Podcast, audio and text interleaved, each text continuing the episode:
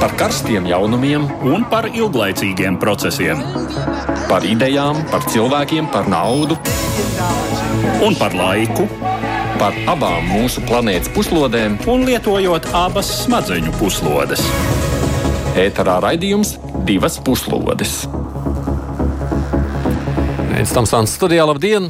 Ārkārtas stāvoklis turpinās, mēs turpinām strādāt attālināti, tāpēc studijā esmu viens pats. Nu, pārējie sarunas viesi mums raidījuma gaitā pievienosies telefoniski. Šī ir stunda, kad runājam par pasaules aktualitātēm.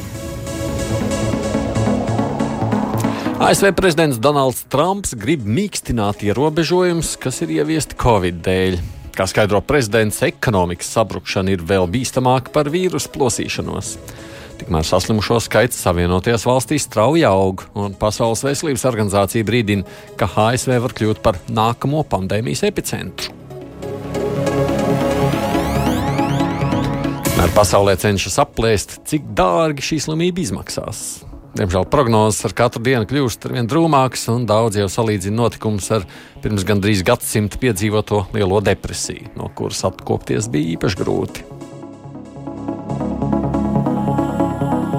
Jautājums arī, kā notikumi ietekmēs Eiropas Savienības nākotni. Ir dzirdamas dažādas spekulācijas par šo. Tikmēr pati Savienība cenšas nodemonstrēt apņēmību ne tikai tikt galā ar pandēmiju, bet gatavoties vēl tālākai paplašināšanai. Beidzot, ir dota zaļā gaisma par iestāšanās sarunām ar Albāniju un Ziemeļmaķedoniju.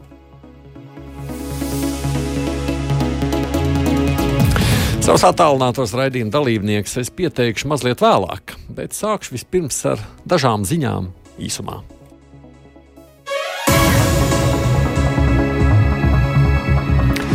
Arvien dramatiskāka situācija paliek Spānijā. Tur mirušo skaits diennaktī jau ir virs 700, apsteidzot Itāliju, kur situācija nedaudz uzlabojas. Tomēr ir pamatots šaubas, cik šie skaitļi ir precīzi, un iespējams viss ir vēl krietni trakāk nekā mēs zinām. Bergamo pilsētas mērs Giorgio Gori, kas ir vissmagāk skartā pilsēta Itālijā, ir pārliecināts, ka patiesā statistika mums nav pieejama. Kā skaidro mērs, tad, piemēram, pirmdien viņa provincē reģistrēti ir 112 nāves gadījumi, bet viņš uzskata, ka patiesais mirušo skaits ir aptuveni četras reizes lielāks.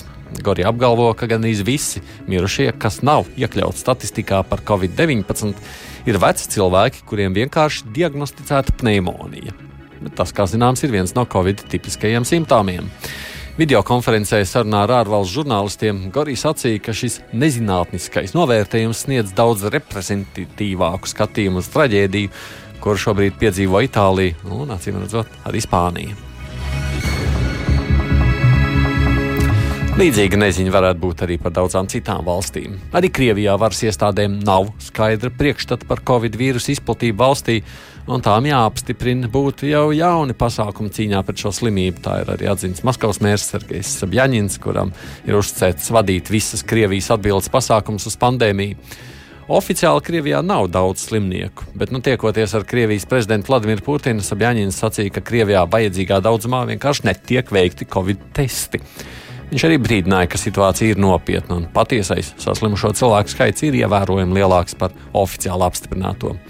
Putins, kā zināms, vairāk kārt apgalvoja, ka Covid-19 uzliesmojums Krievijā ir pakļauts kontrolē.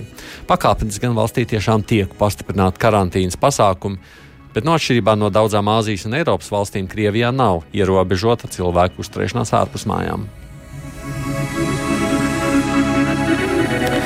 Tikmēr daudz miljonu Indija nolēmusi negaidīt, kad situācija kļūs nekontrolējama. Ņemot vērā kultūras īpatnības, Indijas premjerministrs ir pieņēmis grūti īstenojamu lēmumu uz trim nedēļām nosakot visā valstī ļoti stingrus ierobežojumus. Ja mums neizdosies šajā 21 dienā apturēt slimības izplatību, valsts tiks atsviesta atpakaļ par 21 gadu, un dažas ģimenes tiks sagrautas uz visiem laikiem. Tā sacīs premjerministrs Modi. Indijā inficēšanās ar covid-19 vīrusu ir apstiprināta virs 500 cilvēkiem. Vīruss spēja iznīcināt ne tikai cilvēku dzīvības, bet liek arī gāzties valdībām. Vakar savu amatu ir zaudējis Kosovas premjerministrs Albins Kurti, nespējot izturēt uzticības balsojumu. Iemesls notiekušajam koronavīrusam. Pirms nedēļas valsts prezidents Hašims Tači ierosināja Covid dēļ valstī sludināt ārkārtas stāvokli, bet premjerministrs to noraidīja. Iekšlietu ministrs, kurš pārstāvēja koalīzijas partneri, Demokrātisko partiju, prezidenta iniciatīvu atbalstīja, bet premjeram tas nepatika, un viņš ministru atlaida ar saviem partneriem pat nekonsultējoties. Demokrāta līderis Issa Mustafa uz to reaģēja, paziņojot, ka partija ierosinās neusticības izteikšanu valdībai. Pagaidām Kosovā inficēšanās ar covid-19 ir apstiprināta 71 cilvēkam, no kuriem viens ir miris. Tagad valstī jāveido jauna valdība, bet nu, tas pandēmijas laikā nepavisam nebūs vienkārši. Vēlēšanas sarīkot arī nebūs iespējams, tāpēc valstī tagad būs pagaidu valdība ar ierobežotām pilnvarām. Un vēl atgriežoties pie Krievijas, tā vien šķiet, ka ieilgušais ekonomiskās depresijas periods cilvēkos raisa ar vien lielāku nostalģiju pēc padomi laikiem. Trīs ceturdaļas Krievijas iedzīvotāji padomi laikmetu uzskata par labāko valsts vēsturē. Tam nepiekrīt tikai 18% iedzīvotāji. Tā ir konstatēts Levadas centra aptaujā, kas publicēta laikrakstā Vēdamosts. Vārdi padomi laikmets aptaujātiem biežāk asociējas ar stabilitāti, drošību par nākotni, labu dzīvi valstī un personīgo dzīvi, bērnību, jaunību vecākiem. Negatīvu vērtējumu par deficītu, rindām vai taloniem parādās krietni retāk. To atceras vien 4% aptaujāto. Par dzelzceļa aizskaru stagnāciju un represijām iedomājas tikai 1%. 65% Krievijas iedzīvotāji saka, ka viņi nožēlo pēc sabrukumu, uzskatot, ka no tā varēja izvairīties. Tomēr atjaunot Padomju Savienību arī cilvēki vairs neuzskata par iespējamu. 58% saka, ka iestājas par savu īpašo ceļu, kas būtu ejams valsts attīstībā, un vien katrs desmitais uzskata, ka Krievijai būtu jāorientējas uz Eiropas variantu. Nu, lūk, tik tālu dažas ziņas īsumā, bet nu, tagad par minētajiem tematiem plašāk, un sākam šoreiz ar notikumiem Amerikas Savienotajās valstīs. Viens no procesiem, kuru neizbēgami ietekmēs koronavīrus pandēmijas straujā izplatīšanās Savienotajās valstīs, ir šī gada prezidenta vēlēšanas. Tiek pārceltas priekšvēlēšanas, atcelta kampaņu mītiņi, aizliegumi ierobežot tiešās aģitācijas iespējas. Gan prezidenta Donalda Trumpa kampaņas organizētāji, gan viņu kolēģi abu demokrātu kandidātu Džo Baidenu un Berniju Sandersa štābos pārorientē savas aktivitātes uz virtuālo vidi. Visnopietnākais izaicinājums esošajam prezidentam nepārprotami ir draudi, kurus pandēmija rada ekonomikai. Kā nekā līdzinājā izaugsme un rekordzemie bezdarba rādītāji Savienotajās valstīs ir galvenais Donalda Trumpa trumpis viņa priekšvēlēšana aģitācijā. Paša prezidenta izturēšanās šajā situācijā var šķist pat paradoxāli, te jau vai ignorējot pandēmijas riskus. Pagājušo nedēļu inficēto skaitam Savienotajās valstīs strauji pieaugot, prezidents sevi pozicionēja kā spēcīgo līderi, kurš vadīs nāciju cīņā pret sērgu. Taču vakar, 25. martā, viņš nāca klajā ar uzstādījumu, ka Savienoto valstu ekonomikai jāatgriežas agrākajās sliedēs jau līdz lieldienām, un līdz ar to mudināja atcelt štātu administrāciju un pašvaldību ieviestos ierobežojumus. Brīdī, kad Savienotās valsts kļuvušas par nāciju ar trešo lielāko inficēto skaitu pēc Ķīnas un Itālijas, šādi izteikumi ir vismaz apšaubāmi. Ņujorkas štata gubernators Andrew Komo, kura pārvaldītā pavalsts ir kļuvusi par infekcijas izplatības epicentru ASV, raksturojas to kā ekonomisko iegūmu pirkšanu par cilvēku dzīvības cenu. Savukārt spilgts Donalda Trumpa līdzinieks, Brazīlijas prezidents Žārs Bolsonaro, rīkojies ļoti līdzīgi, aicinot savu nāciju turpināt ierasto dzīves kārtību un uzbrukot Brazīlijas pavalstu vadītājiem, kur ieviesuši ierobežojumus savās teritorijās. Var piebilst, ka jau pāris nedēļas pastāv aizdomas, ka arī pats Bolsonaro ir inficēts, taču iecertīgi neievēro piesardzības pasākumus. Katrā ziņā var teikt, ka Donalds Trumps savā priekšvēlēšana kampaņā izvēlējies spēli uz visu banku, kurā viņa bīstamākais pretinieks nu šķiet nevis viens no Demokrātiskās partijas kandidātiem, bet gan Covid-19. Tā es tagad ceru, ka telefoniski mūsu raidījumiem ir pievienojušies mūsu viesi Rīgas Stradiņu universitātes pasniedzējs Mārs Anģāns. Māri, dzirdat mūs, jā? Jā, sveiki. Ļoti jauki. Latvijas universitātes asociētais profesors Daunis Auers. Sveiks, Dauni. Jā. Ir, jā. Sveiki. Un arī mūsu raidījuma veidotājs, komentētājs Edvards Liniņš. Edvards, sveiki. Labdien, labdien, cienījamie klausītāji. Ko sakāt par šo te Trumpa vēlmi atcelt vispār ierobežojums. Māra, sāksim ar jums. Jūs tomēr no Amerikas nesen esat atgriezies. Jā, nu, pavisam nesen atgriezos, un situācija vēl nebija tāda, kāda viņa šobrīd. Nu, protams, arī tad uh, prezidents uh, diezgan nu, saka, vērsās pret pārlieku lieliem ierobežojumiem. Un izskatās, ka tā arī turpinās. Un tagad, protams, situācija ir daudz saspringtāka. Šobrīd arī liels debats um, kongresā notiek, kur cauri uh, iet liela palīdzības pakete uh, ekonomikai, tostarp arī vienam iedzīvotājam. Un, un skaidrs, ka tā situācija ļoti, ļoti pamatīgi maina. Kolēģi, kas man ir palikuši ASV, arī stāsta, protams, ka ierobežojumi aug ar katru dienu. Un, un darbs arī līdzīgi kā pie mums notiek neklātienē aizvien vairāk. Mm, kā jūs šķiet, ka pamatoti vai ne tā? Nu, acīm redzot, tas uh, kļūst aizvien pamatotāk, jo nu skaidrs, ka ASV ir ļoti cieši iesaistīta uh, globalizētajā pasaules kārtībā, un, un tas būtu bijis ļoti nu, saka, dīvaini, ja, ja tas pats, kas notiek Ķīnā, Eiropā, daudzviet citviet, es domāju, ierobežojumi ceļošanas un uh, cilvēku palikšana mājās nenotikt arī ASV. Ja, to cilvēki jau tādu pašu vien dzīvo ASV kā citur. Mm. Averkungs, bet vai tad ekonomika nav svarīgāka gal galā? Nu, pa lielam jā.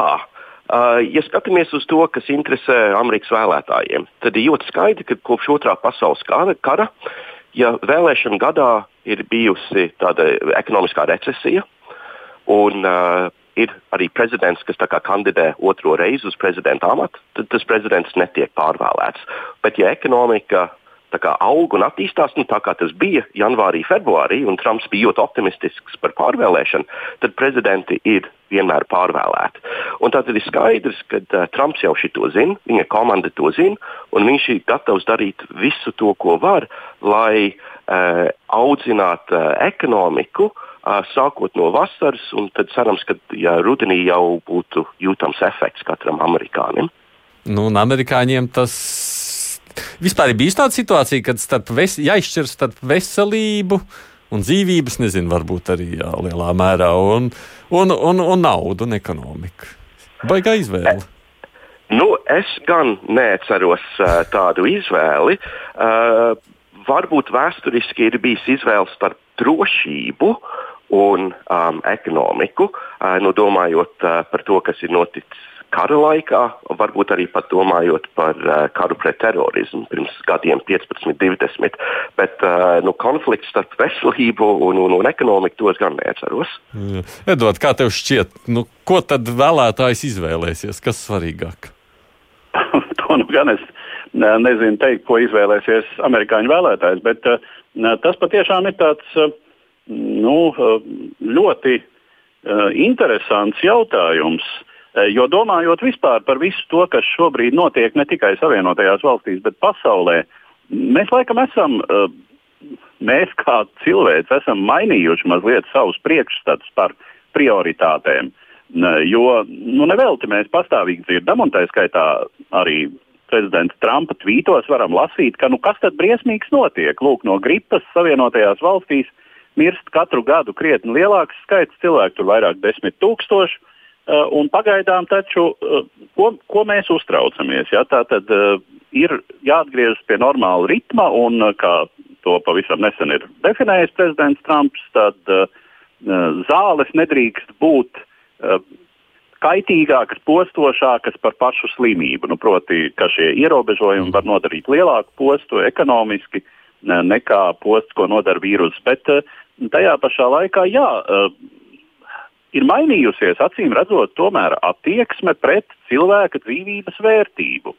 Uh, ja mēs paskatāmies uz to, kāda bija attieksme pret um, veselības situāciju, tad, kad pirms simts gadiem plosījās tā sauktā spāņu gripa, kas citas starpā skāra arī savienotās, savienotās valstis visnotaļ smagi, uh, tad uh, Toreiz tas patiešām uztrauca daudz mazāku skaitu cilvēku, un uh, te centrā ir tas, uh, kas ir cilvēka dzīvības cena.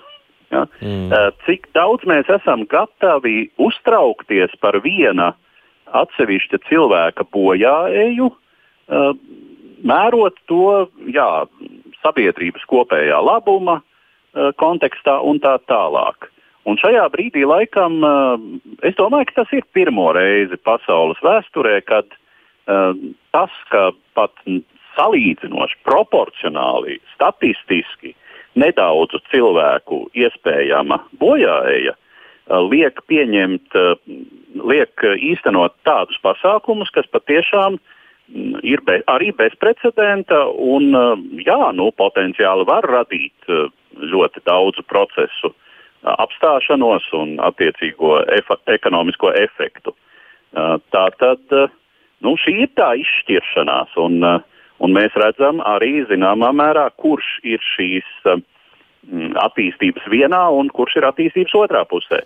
Uh, un tas arī ir ļoti interesanti runājot to, ko var lasīt par Savienotajām valstīm, uh, kas starp citu uh, vēlētāju noskaņojums šai ziņā ir lielā mērā arī izkārtojies pa partiju līnijām, kas varētu būt diezgan paradoxāli, bet tā tas ir. Ka lūk, republikāņu partijas vēlētāji uh, ir tendēti vairāk ticēt prezidentam Trumpam. No apmēram 60% uzskata, ka tiešām uh, piesardzības pasākumi ir pārspīlēti un būtu jāatgriežas, uh, kā Trumps to ir proponējis, līdz lieldienām pie normālas dzīves, acīm redzot, par spīti jebkam. Uh, un savukārt nu, Demokrātu partijā ir krietni citāds noskaņojums. Mm. Demokrātijas, ne demokrāta partijas vēlētāju vidū. Tas tā interesanti, ka nu, labi, Eiropa, Eiropa tur, tur labi, cilvēku vērtības un tam līdzīgi. Pat Ķīna, kā mēs redzam, jā, viņi bija gatavi upurēt savu naudu un ekonomisko labklājību, lai tomēr savus, savus iedzīvotājus glābtu. Vai amerikāņiem tiešām ir tā, un tas jautājums vispirms Mārim, kurš diezgan ilgi tur ir pavadījis, ir tā, ka amerikāņiem tā nauda ir tik ļoti būtiska ka no labāk, kas struns, kas tur notiek ar dažiem vecākiem ļaudīm, galvenais, ka mēs tomēr to savu Amerikas sapni kaut kādu uzturam.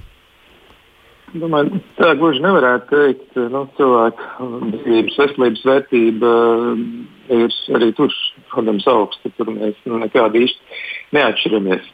Tā atšķirība, kāda ir Amerikas Savienotajām valstīm, ka ASV eh, kopumā ir uh, daudz mazākas sociālās garantijas nu, vienalga par, par veselības aprūpi vai par bērnu kopšanas atvaļinājumiem runājot, mm -hmm. kas pie mums šķiet normāli, ASV tāda lieta nav. Un, uh, nevelti ASV ir iespējas, bet ir ļoti smagi jāstrādā. Bet tad, ja cilvēks paklūp, tā teikt, nu, sākās veselības problēmas vai kas cits, tad, diemžēl, tas var ļoti bēdīgi beigties. Līdz ar to, ja tā var teikt, tad amerikāņi bez tā sociālās palīdzības tīkla, tāds kāds ir um, Eiropā, arī Latvijā, uh, nu, viņi ir daudz vairāk atkarīgi no strādāšanas. Uh, un, uh, līdz ar to, ja darba nav, ja globāla ekonomika negriežas, tad arī momentāni pazūd ienākumi. Mm. Un tajā pašā laikā tas nozīmē, ka, ja tu saslimsti, tad tev tas maksā krietni dārgāk. Tā? Nu, tieši tā, un ASV jau noteikti daudz dzirdēts, ka priekšvēlēšana cīņā, nu, kas attiecās prezidenta vēlēšanām šobrīd, kas ir plānotas novembrī, tad eh, veselības aprūpe ir viens no galvenajiem jautājumiem. Uh, jo ASV ir uh, nu, situācija nedaudz citādāka. Ir ļoti atkarīgs, kāda veida apdrošināšana ir uh, cilvēkam pieejama. Parasti to darba devējs iegādājas. Uh, ja cilvēks to nespēja iegādāties, tad, tad ir arī valsts apdrošināšanas sakām, uh, schēmas, sistēmas, kas gan nav tik labas. Uh, un, nu, bieži vien arī ļoti, ļoti liela rēķina nāk iedzīvotājiem par veselības aprūpi.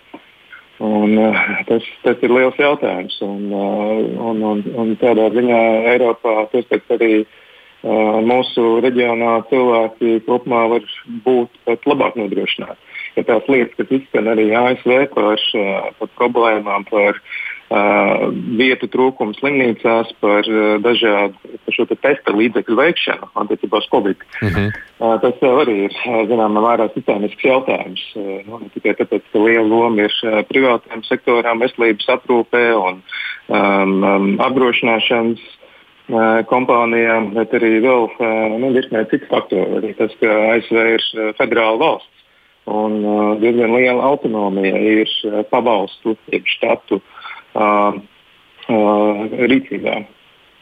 Mm. Nu, kas nozīmē, ka no otras puses šķiet baigi interesanti. Tā, tā nedrīkst, tas tā cīniski skan, vērot, kā tas viss varētu beigties ar šādu naudas un veselības sistēmas pretstāvēšanu.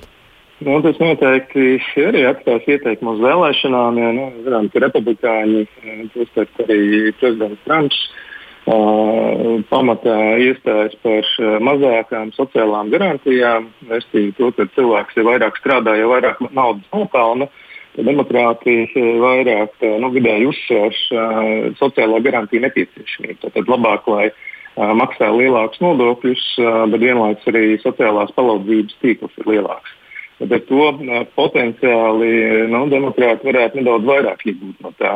Protams, jautājums, kas tad izvirzīsies beig galā par kandidātu pretī Trumpam. Jo, nu, šobrīd mm. Baidens ir pārliecinoši priekšā, bet izskatās arī, ka Sanders vēl nu, nekur negrasās izstāties. Vēl nesen paziņoja viņa kampaņu, ka viņš ir gatavs aprīlī piedalīties nu, kārtējā debatē, kas varētu būt plānota. Bet to nu, veselības sistēmas debata noteikti var pagriezt jautājumu un, un vēlēšanas citā ritējumā. Protams, viss būs atkarīgs no tā, cik ātri uh, šī krīze beigsies. Ja, protams, tas, ko, tas, ko arī Edvards stāstīja iepriekš, nu, ir, ir ļoti atkarīgs, cik tālu tas viss aizies. Un, ja ekonomiskā recesija turpināsies, bezdarbs augsts, ASV, kā zinām, ir ļoti, ļoti neliels bezdarbs ar 3% vismaz bija.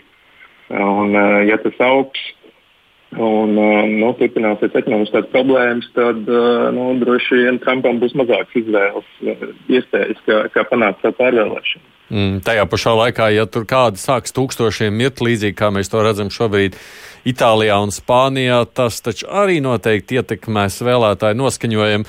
Averkungs, kā jūs domājat, kā tas viss ietekmēs šobrīd Trumpa izredzes? Nu, es domāju, ka neizbēgami tas, ka uh, ASV gaida Itālijas liktenis. Uh, visas tendences, uh, kas tiek apkopotas John Hopkins uh, mājaslapā, ko, ko mēs daudz, izma, daudz lietojam, ļoti skaidri rāda uz to, ka, ka, ka Amerikā aug un aug un aug šis inficēto cilvēku skaits. Tātad nu, tā nebūs īslaicīga problēma Amerikā. Domāju, ka ka Trumpa sapnis, kad uh, cilvēki varētu atgriezties darba vietās jau sākot ar lieldienām, kā viņš laikam vakar pateica preskonferencē, nu diez vai uh, kaut kas tāds ir uh, sagaidāms. Um, kaut gan viņš, protams, cer, kad varēs ātrāk tikt galā ar šo te, Covid-19 izaicinājumu. Nu, es domāju, ka tas ievilksies nu, nākamos mēnešos, ievilksies līdz vasaras. Bet tas, kas, protams, ir interesanti, ir, ka, ja mēs skatāmies atbalstu Trumpam vai drīzāk uzticēšanos, šie uzticēšanās rādītāji Trumpam ir uzlabojušies pēdējās divās nedēļās. Proti, ir, ir lielāks procents amerikāņu, kas uzticās uh, Trumpam, ka viņš tā kā labi strādā, un ir sarucis uh, tas procents, kas uzskata, ka viņš tā kā slikti strādā. Nu, tas varētu būt tāds īslaicīgs efekts, kas ir saistīts ar to, ka nu, parasti, kad notiek kaut kāda liela krīze valstī, tad cilvēki atbalsta valsti un atbalsta īpaši valstu līderi. Ja šī krīze ievilksies ilgtermiņā, un tā tas arī šobrīd izskatās, tad visticamāk šis efekts kļūs kā, nu, mazāk manāms un cilvēki arī vairāk kritiski skatīsies uz Trumpu. Bet tai pašā laikā mums jāatcerās, ka Trumpa atbalstītāji ir ļoti dedzīgi viņa uh, atbalstītāji. Uh, viņi nav mainījuši savu viedokli par, par Trumpu pēdējos trīs ap pus gados, jo Trumpa vērtības, viņa valoda, viņa politikas stils sakrīt ar to, ko šie cilvēki sagaida. Um, tātad nu, redzēsim, vai viņi būs gatavi mainīt savu politisko attieksmi pret Trumpu. Uh, ja, šī slimība ievelkās. Ja godīgi, mēs vienkārši nezinām, jo šāda liela ekonomiskā, piedodiet, veselības krīze nav notikusi demokrātijas laikmetā. Uh, kolēģis Liniņš pieminēja uh, gripas epidēmiju vai pandēmiju, kas bija pirms simts gadiem. Nu, lūk, tā lielā atšķirība ir, ka tobrīd, pēc Pirmā pasaules kara, pasaulē pa lielam vēl vien bija autoritārie režīmi, Un arī tās valstis, kas kā skaitījās kā demokrātijas, nu, kā Lielbritānija, piemēram, Francija, Amerika, tās nebija pilnvērtīgas demokrātijas, jo lielākā daļa iedzīvotāji nepiedalījās vēlēšanās. Tā skaitā sievietes, arī liela daļa strādājošie.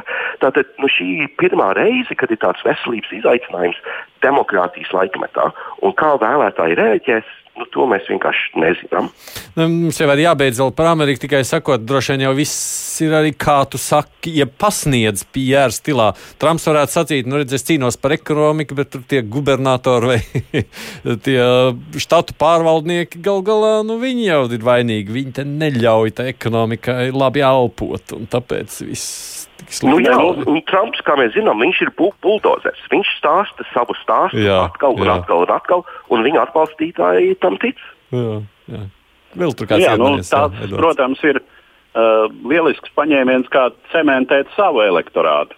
Bet laikam jau tomēr uh, Trumpa kā prezidenta likteni arī mm, ievērojot iepriekšējo vēlēšanu rezultātus, izšķirs tā vēlētāju daļa, uh, kas nav viņa pārliecināts monolīts elektorāts. Uh, un uh, te nu tiešām uh, faktiski Daunis izņēma man vārdus no mutes, ka tā ir tā, tas, tas būs tas izšķirošais. Cik ilgi ilgs šī epidēmija Savienotajās valstīs un cik daudz upuru tā prasīs. Mm. Jo tas arī ir nepārprotami kritērijs, cik lielā mērā Trumps saprot, cik viņš apzinās situāciju. Jo tas jau ir tas būtiskais jautājums, runājot par Trumpa kā prezidenta kvalitāti. Vai viņš vispār apzinās situācijas nopietnību? Un, ja situācija izrādīsies pietiekami nopietna, un nu, taisnību sakot, šobrīd Amerika ir jau uh, trešā uh, valsts pēc inficēto skaita, un šķiet, ka teju, teju varētu apsteigt Itāliju. Jā, protams, iedzīvotāju skaits Savienotajās mm, valstīs jā. ir lielāks. Bet eh, nu, tas ir pietiekami nopietni. Nu, tad uh, Trumpam pieminēs, pieminēs uh, tā sacīt, uh, rokošanos ar prezidentu Bolsonaru, Brazīlijas prezidentu, par kuru ir aizdomas, ka viņš ir inficēts, uh, un visus, uh, visus Trumpa izteikumus par to, ka uh, neņemiet galvā. Tā sacīt, uh, svarīgāk ir, lai notiktu pietiekama naudas aprite. Bet par to naudu arī jāturpina, tāpēc, ka jautājums jau cik ilgi viss turpināsies un cik dziļi, protams, nav jautājums tikai par Amerikas Savienotajām valstīm vien. Ko tas nozīmē visā pasaulē un nozīmēs par to turpinām? Vērtības kritums par 9,5%, kuru Savienoto Valstu akciju tirgus piedzīvoja 12. martā, ir straujākais, kāds piedzīvots kopš tā saucamās Melnās pirmdienas 1987. gadā. Vēsturē ir bijuši vien daži gadījumi, kad šāda vērtspapīru cenu lejupslīde nav bijusi ekonomiskās recesijas priekšvēstnesis. Tāpēc ekspertu izteiktās prognozes pēdējo nedēļu laikā kļuvušas arvien pesimistiskākas, un nu jau vairākas dienas diskusija vairs nenotiek par to, vai pandēmija ir izraisījusi globālu recesiju, bet gan cik ilga tā varētu būt un cik strauji varētu notikt pēckrīzes atlapšana. Kompānijas Bloomberg ekonomikas modelēšanas resursi, kas matemātiski sastata objektīvus situācijas rādītājus, uzrāda 52% recesijas varbūtību, kas ir augstākais rādītājs kopš 2009. gada. Vīrusu uzbrukums nācis īsti nelaikā, kad pasaules ekonomiku negatīvi iespaidojas Savienoto valstu un Ķīnas pretstāvi, un pavisam nesen Krievijas inicētais naftas cenu karš. Globālajiem saslimstības rādītājiem turpinot augt un arvien jaunām valstīm un teritorijām ierobežojot iedzīvotāju pārvietošanos un biznesa aktivitātes, tiek runāts par recesiju Eirozonā, Japānā, Savienotajās valstīs, Krievijā, Brazīlijā un citur. Arī par zemākajiem Ķīnas ekonomikas izaugsmas rādītājiem kopš 1980. gada. Taču tā kā pandēmijas turpmākā gaita joprojām nav prognozējama, arī ekonomiskās prognozes visai būtiski atšķiras. Vispār izplatīts ir ieskats, ka izšķiroša loma negatīvā efekta mazināšanā būs ekonomiski attīstīto valstu valdību rīcībai, sniedzot atbalstu nevien finanšu sistēmām, bet arī atsevišķiem uzņēmumiem un maisaimniecībām. Pēdējo dienu nozīmīgākā aktualitāte šai ziņā ir vairāk nekā 2 triljonus dolāru vērtā Savienoto valstu ekonomikas stimulēšanas pakete, kura vakar pēc apstiprināšanas kongresa apakšpalātā nonāca senātā. Šīs paketes pieteikšana pirms pāris dienām lika akciju tirgiem piedzīvot kāpumu, kas gan izrādījās īslaicīgs, un pēc visas spriežot, investoru pārliecinātība par ekonomikas perspektīvām joprojām paliek zema. Tiek izteiktas arī dažādas prognozes par to, kāds varētu būt valdību īstenotās bezprecedenta finansiālās intervences iespējas uz ekonomiku ilgākā perspektīvā.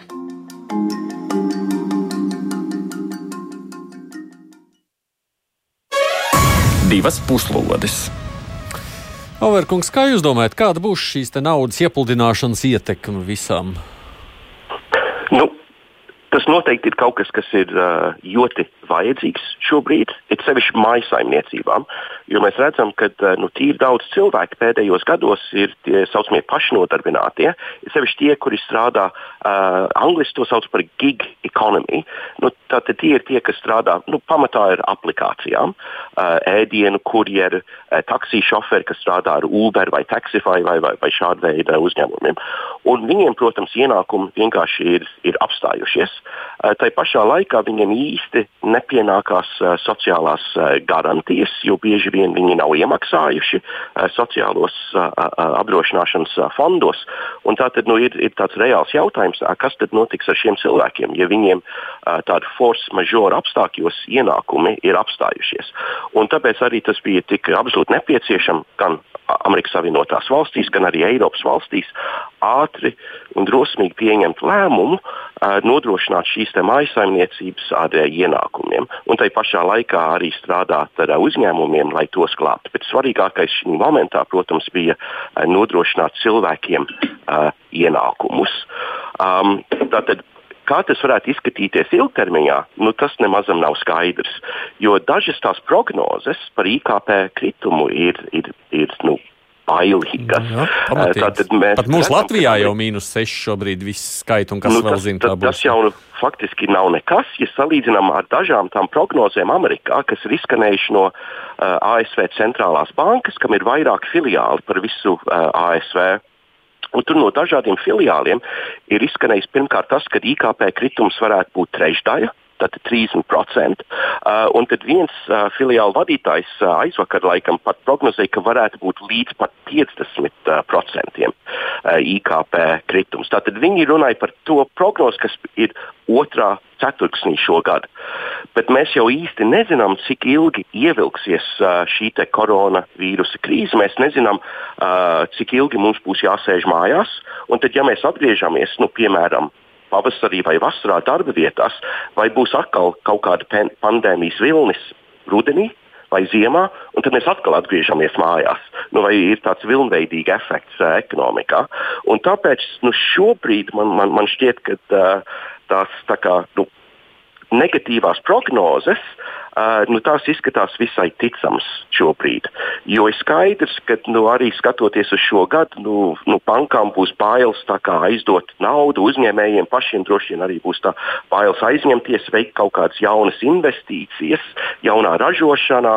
Uh, nu, es domāju, ka šis gads izskatās kopumā tīri uh, skarbs pasaules ekonomikai kopumā. Bet nu, man arī tāda sajūta, nu, kā viss tā tad dzīvosim tādu uz aizņēmumu, visi aizņemās, visi būs parādā. Edvards, kas tur sanāk, ka visas valsts ir parādā, pamatīgās parādos iebrauc?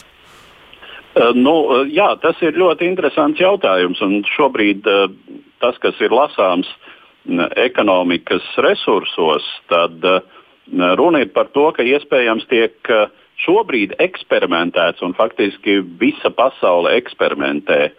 Nu, jāsaka, tādā ekonomiskā nozīmē pati ar sevi. Uh, par uh, to, uh, kā tad, kā tad ir pareizi jārīkojas. Jo līdz šim, ja mēs atceramies iepriekšējo krīzi, tad teiksim, ekonomikas sildīšanas pasākumi bija, taču dominējošais motīvs bija Taupīt. taupība, dominējošais motīvs bija izdevumu ierobežošana, šādā veidā stabilizējot ekonomiku. Un tas ir klasisks modelis, ka tā tad uh, Eh, tomēr, eh, lai gan nu, arī agrākajās krīzēs ir bijuši ekonomikas sildīšanas pasākumi, tā skaitā Lielajā depresijā Amerikas Savienotajās valstīs eh, pagājušā gadsimta 30. gados, tad tomēr taupība, taupības motīvs nu, katrā ziņā pēdējās desmitgadēs ir dominējis. Un tas, ko šobrīd saka par šo centra, Eiropas centrālās bankas un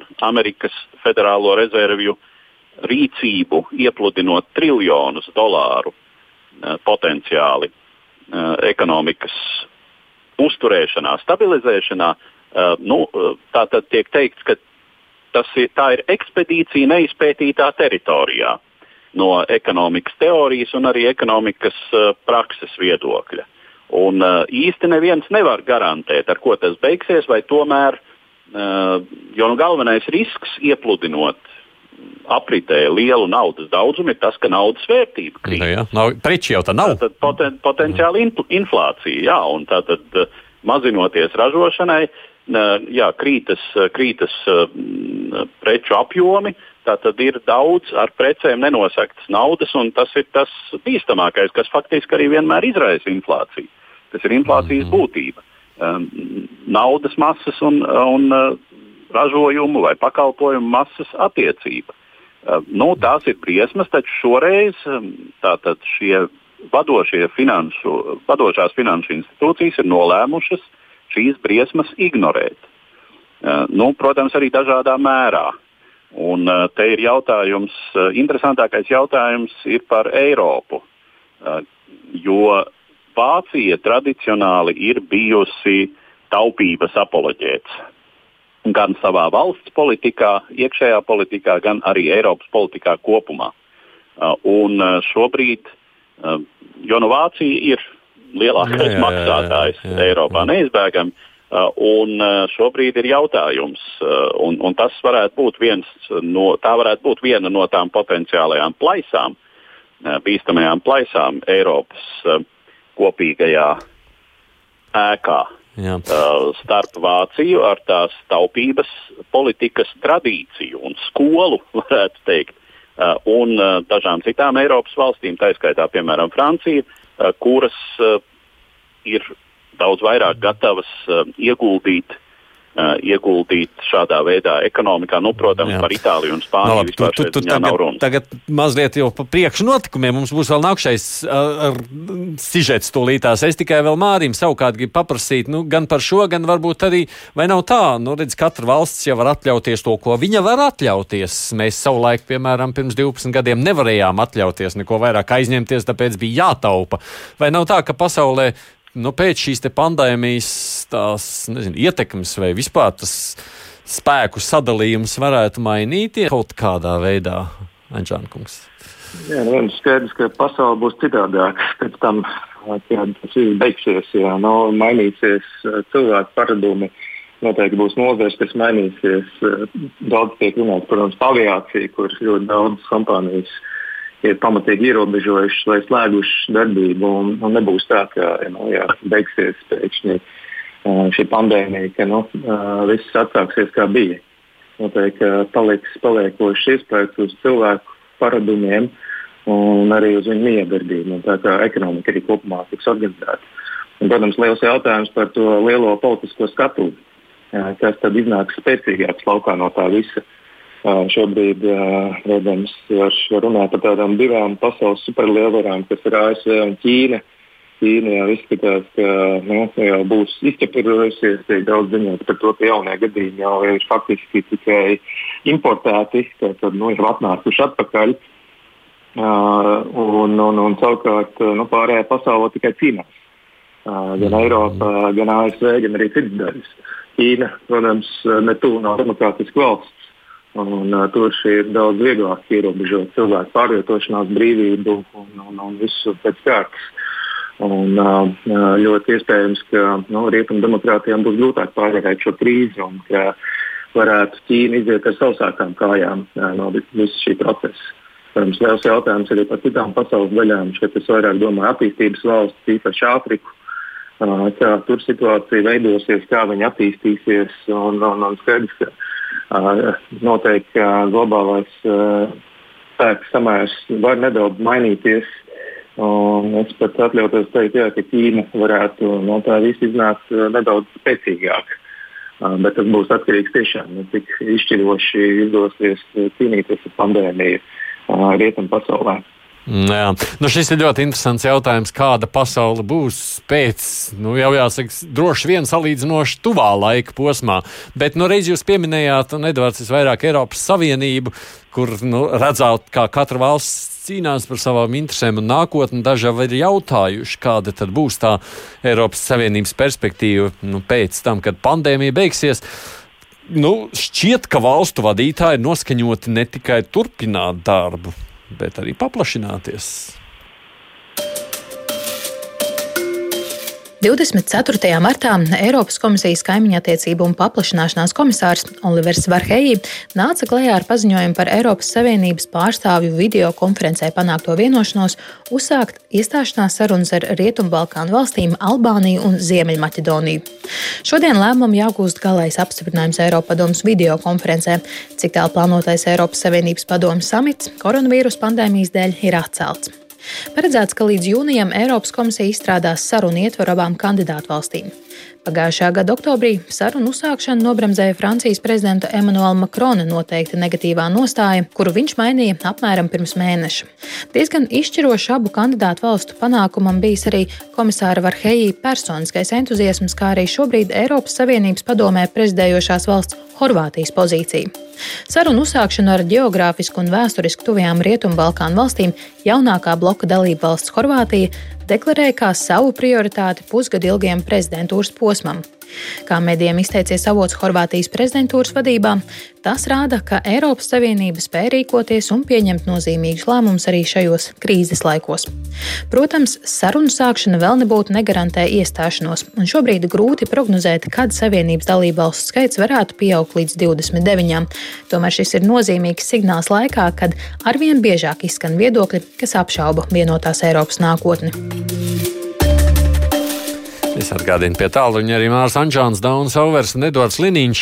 Mums eksministrs Andris Vilks pirmdien kruspunktā intervijā sacīja, ka viņam ir tādas bažas par to, cik solidāras Eiropas Savienības valstis būs ne tikai krīzē, tagad arī pēc tās, un tas redzētais pie Polijas robežas, un ne tikai viņa prāt liekas atraukties.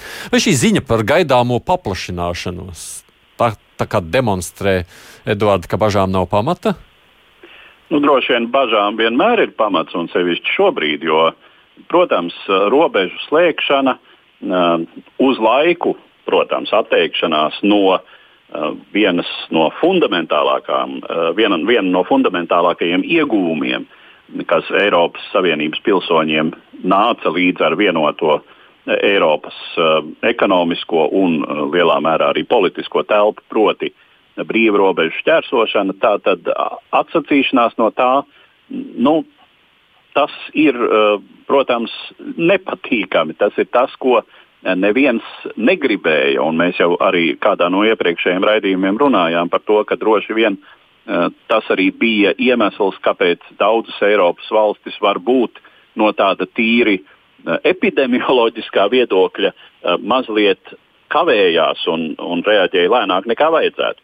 Eh, tā ka, protams, ka bažām ir uh, pamats, uh, un es teiktu, ka vienmēr. Uh, no otras puses, jā, nu, šis, uh, es domāju, šis ir signāls, un, un varbūt pat es tiešām riskētu teikt, ka pašreizējā situācija zināmā mērā šo signālu, šo, šo soli ir veicinājusi un mudinājusi uz to, nu, pirmām kārtām, acīm redzot, prezidentu Makronu, uh, kurš uh, līdz šim bija pret, nu, mm -hmm, pret no tā viedokļa, ka, uh, ka Francija ir viena no tām valstīm, kas sevišķi no Balkānu reģiona uh, pievelk lielu migrantu skaitu. Uh, un uh, nu, vēl saņem divas valstis ar potenciāli ar nepārāk augstu dzīves līmeni un potenciāli lielu, uh, labākas dzīves meklētāju plūsmu, tas Francijai absolūti nešķiet vajadzīgi. Bet um, es domāju, ka prezidenta Makrona viedokļa maiņā uh, sava li un liela loma ir bijusi tam, ka uh, prezidents ir uh, Eiropas tālākas attīstības, arī zināmā mērā tālākas integrācijas noteikts atbalstītājs, ka viņš sevi redz uh, lielā mērā kā vienotās Eiropas līderi un jauna uh, ceļa gājēju šai ziņā. Uh, un uh, tieši redzot to, kā slēgtās robežas, uh, domstarpības starp valstīm, sākotnējā, teiksim, pāris nedēļas ilgā nesaskaņotā, neintegrētā rīcība, tas viss ir drauds izjūtai par vienoto Eiropas telpu. Uh, nu, tas zināmā mērā ir pretsolis. Vēl arī, protams, tas, ka Balkānu reģions uh, un Vidusjūras reģions kopumā ir uh, Ķīnas vistiešākā interešu zona uh, Eiropā. Tas ir tas, kur uh, ir visvairāk Ķīnas uh, investīciju, nu, un mēs varējām vērot pavisam pirms dažām dienām lūk, uh, Ķīnas palīdzības lidmašīnas nolaišanos un svinīgu sagaidīšanu Belgrādas lidostā, tātad Serbijas galvaspilsētā. Uh, un, uh, tātad, uh, un ir runa par to, ka uh, ir lielas Ķīnas investīcijas šajā reģionā. Nu, zināmā mērā tas ir arī tā ir tā mm, kārtējā Balkānu šaha spēle, kurā šajā gadījumā piedalās vairs nevis teiksim, kā vecos, vecos, vecos laikos Osmaņu impērija, Austro-Ungārija un Krievijas impērija, bet gan šajā gadījumā Eiropas Savienība un Ķīna. Mm. Auverkungs, ko jūs domājat par šo? Nu, Edvards to nosauc par signālu. Um, es gan vairāk to uzskatu par tādu reklāmu, ja godīgi, jo um, ir skaidrs, ka pārskatāmā nākotnē uh, šīs valstis, uh, Ziemeļmakedonija un Albānija, jau neiestāsies Eiropas Savienībā. Nu, piemēram, noteikti ne nākamā fiskālā perspektīvā. Tātad nu, ne, nevis nākamos septiņos gados, jo budžetā tas nav paredzēts un diez vai tas arī tiks paredzēts. Tātad nu, agrākais moments varētu būt 28. gads, tātad astoņu gadu griezumā nākotnē. Un, ja godīgi, tas jau arī ir maz ticams. Uh, uh, Melnkalne sāka sarunas ar Eiropas Savienību šķiet 2012. gadā, Serbija 14. gadā, Turcija 2005. gadā. Un, protams, šie ir citi gadījumi. Arī Jean-Claude Junkers bija pateicis, ka viņa prezidentūras laikā Eiropas Savienība nepaplašināsies, bet nu, gal galā nu, nav īpaši liela interese no Eiropas Savienības uh, dalību valstu puses paplašināt Eiropas Savienību uz dienvidiem. Un koronavīrus un, un tās sekas, kas, būs, kas noteikti būs daudz gadu garumā, kad būs jāsakārto ekonomika un, un, un jāatjauno konkurētspēja un tā tālāk, no Eiropas institūcijas, Eiropas komisija un citas institūcijas jau liks pilnīgu fokusu uz šiem jautājumiem. Un, uh, Uh, paplašināšanās uz Balkāniem nebūs jautājums numur viens, numur divi, numur trīs vai numur četri. Tātad nu, es būtu ļoti pārsteigts, ja uh, būtu kāda jauna dalībvalsts no Balkānu valstīm, nu, nāk, nu, šī desmitgadē. Nu, reāli domājot, tas ir tā, no 30. gadiem varētu nu, kaut kā tā apmēram būt. Mm. Tātad es tā pišķītiņi ciniski skatos uz šo, uz šo uh, paziņojumu. Man liekas, ka nu, kaut gan pie tā jau piestrādāja vairākus mēnešus, bet tas, ka tas notiek šobrīd, tas noteikti saistīts ar tādu zināmu reklāmu, ka nu, jā, mēs Eiropas Savienība, mēs kā, nu, turpinām kā, domāt arī par savām kaimiņu valstīm, turpinām domāt arī par integrāciju, bet realitātē tas jau nu, nenozīmē, ka Eiropas Savienība paplašināsies pārskatāmā nākotnē.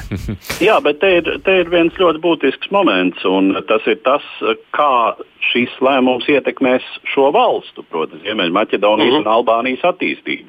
Uh, jo mēs ļoti labi saprotam, ka tas ir stimuls sakārtot, uh, ir bijis un, un būs stimuls sakārtot sevi iekšēji, Eh, kas ir ļoti svarīgi. Un tas ir svarīgi arī Eiropas Savienībai, jo galu galā nu, Eiropas Savienības valsts Grieķija, eh, Eiropas Savienības valsts Bulgārija ir tās, kuras robežojas ar šīm valstīm. Un sakārtotāka no visiem viedokļiem telpa ir tas, kas uh, gan Grieķijai, gan Bulgārijai ir visnotaļ svarīgi. Uh, tā kā, jā, protams, tā perspektīva, kad iestāsies, uh, absolūti nav skaidra. Un, un tas, tas var būt pēc 10, nu, tas var būt pēc 15 gadiem, kas to zina. Bet eh, šis solis, un, un tas ir arī tas, ko var lasīt eh, šo valstu pārstāvju, ne tikai valdības, bet arī eh, sabiedrības pārstāvju teiktajā. Par, kā tas ir liels stimuls iekšēji sakārtoties. Mm. Anģēna kungs, Kas tad jūsuprāt te ir reklāma un kāda būs tā realitāte, ja runājam par Eiropas Savienības nākotnes solidaritāti prioritātēm? Mm, jā, ja turpinām par paplašināšanos, tad arī grūti nepiekrist. Jau, jau teiktajām ir skaidrs, ka paplašināšanās tas būs ilgs process, un to arī jāuztver kā process. Un ir svarīgi šīm valstīm dot signālu par to, ka durvis ir atvērtas, sākt iestāšanās sarunas tur kādas 35 sadaļas priekšā. Un, un, kā jau minēts, tas piedāvā iespēju šīm valstīm sakārtot dažna, dažādas jomas, pietuvināt likumdošanu Eiropas Savienībai, cīnīties ar korupciju, uzlabot tieslietu sistēmu un tā tālāk. Un tā tālāk. Un, un tas arī nu, cerams novadīs pie drošākiem kaimiņiem, pie drošāka reģiona. Serbijas gadījumā Serbija jau ir kandidāta valsts. Viena no lielākajām problēmām ir Kosovas jautājums. Kosova joprojām nav atzīta no Serbijas puses, tāpat kā arī vēl virkni citu valstu neatzīst. Tad, tad ir, ir šeit arī no, nu, drošības faktors un, un ir tālākā perspektīvā arī ka potenciālā kandidāta valsts Bosnija-Hercegovina, tas gan ir vēl no nu, labs ceļš līdz, līdz šādām statusām, ka varētu runāt par iestāšanos, vēl ir ko iet. Bet nu, ļoti svarīgi gan no šo valstu stabilitātes un attīstības viedokļa. Edvards jau minēja Ķīnu, Krieviju, protams, arī nekur nav pazudusi. Arī Krievija ir pietiekami aktīva reģionā, īpaši Serbijā. Līdz ar to, ja mēs nedraudzēsimies ar šīm valstīm, tad kāds cits draudzēsies, vai arī nu, radīsies jauni konflikti. Un atcerēsimies, ka netik sen, 90. gadi, bija diezgan asiņaini šajā reģionā. Ar to tas ir nu, svarīgs, svarīga lieta, bet nu, nevajadzētu tiešām domāt, ka paplašināšanās notiks tik drīz. Tie, tie noteikti ir pietiekami daudzi gadi mm. priekšā, līdz kaut kas tāds varētu notikt. Kādam no jums, man ir divas minūtes, es uzreiz saku, lai jūs apmēram saprastu, ko orientējamies pēc laika. Kādam no jums šķiet ir uh, nu, bažas par to, kas tur notiks ar solidaritāti un vai vispār Eiropas Savienība būs tāda pēc šīs pandēmijas? Kā jau es teicu, bažas, protams, ir. Lai gan nu, droši vien es negribētu šīs bažas pārspīlēt. Jo jā, tas, kas ir jau absolūti apzināts, ka pandēmija nāks par labu uh, Un to var izmantot savā labā, radikāli labēji spēki, populistiski spēki, um, taiskaitā spēki, kas mēģinās, mēģinās uzsvērt, cik labi ir Ķīna tikusi galā ar šo situāciju. Um, tiek runāts arī par uh, iespējamu viltus ziņu, jaunu vilni šīs pandēmijas sakarā un tā tālāk. Uh, bet, uh, kas attiecas uz solidaritāti, nu, es domāju, ka mm, Eiropa jau atgriežas uh, savā iespējami normālā darbības modā. Uh, un, uh, nu, katrā ziņā panikai par paniku nav īsti pamata. Mm, Pārējie piekrīt? Nu, es arī teiktu, ka nevajadzētu būt nu, gaidām par lielu paniku. Protams, Eiropas Savienības institūcijas varēja rīkoties izšķirošāk, nu, redzamāk, lai nebūtu tik nekoordinēta pieeja, bet uh, es domāju, šī situācija ļauj mums ikvienam atcerēties uh, senākus laikus, pirms bijām Eiropas Savienībā un, un, un 90. gadi, kad daudzot aizbraukt vajadzēja vīzes, uh, lidojumi nebija tik bieži, biļešu cenas bija daudz augstākas. Es, es pieņemu, ka šī situācija ļaus novērtēt to, kāda ir bijuši labumi Eiropas Savienībā. Šeit es īpaši domāju pārvietošanās brīvību gan, gan iespējas bez vīzām, bez robežu kontrolas un, un pietiekami attiecīgi maziem resursiem pārvietoties. Iespēja novērtēt, kas, kāda ir labuma Eiropas Savienībai šajā laikā. Mm. Tā kā vēl nevar zināt, kāds beigās tam visam būs rezultāts uz labo vai uz slikto pusi. Nu, pabeidzot šo sarunu, droši vien es jums uzreiz sacīšu paldies tikai no manas puses komentāru, cik ļoti man tās jūsu teiktais par atvērtajām sarunām, nepieciešamība izdarīt mājas darbus, kā tas man atgādina Latviju 90. gada beigas un 2000. gada sākumu, kad mēs bijām tieši tajā pašā kandidātu valstu uh, nu, lomā un to visu centāmies īstenot, un labi, ka esam īstenojuši šajā krīzes laikā, esam tomēr daļa no Eiropas Savienības. Es domāju, tas mums arī dod zināmu stabilitāti un mieru sajūtu. Paldies jums visiem! Uh, Mārs Anģāns, kurš ir Rīgas Traģiņu universitātes pasniedzējs, un Dauns Auvers, Latvijas universitātes asociētais profesors, nu, un arī raidījuma līdzautors un veidotājs Edvards Liniņš. Paldies jums tiešām Paldies. visiem trim! Paldies. Jā, studijā bija es, Aits Tomsons, mūsu producenti Ieva Zeiza. Paldies tiešām, ka arī bijāt klausītāji ar mums. Tiksimies pēc nedēļas, lūkosim, kas jauns noticis šajā laikā. Divas puslodes!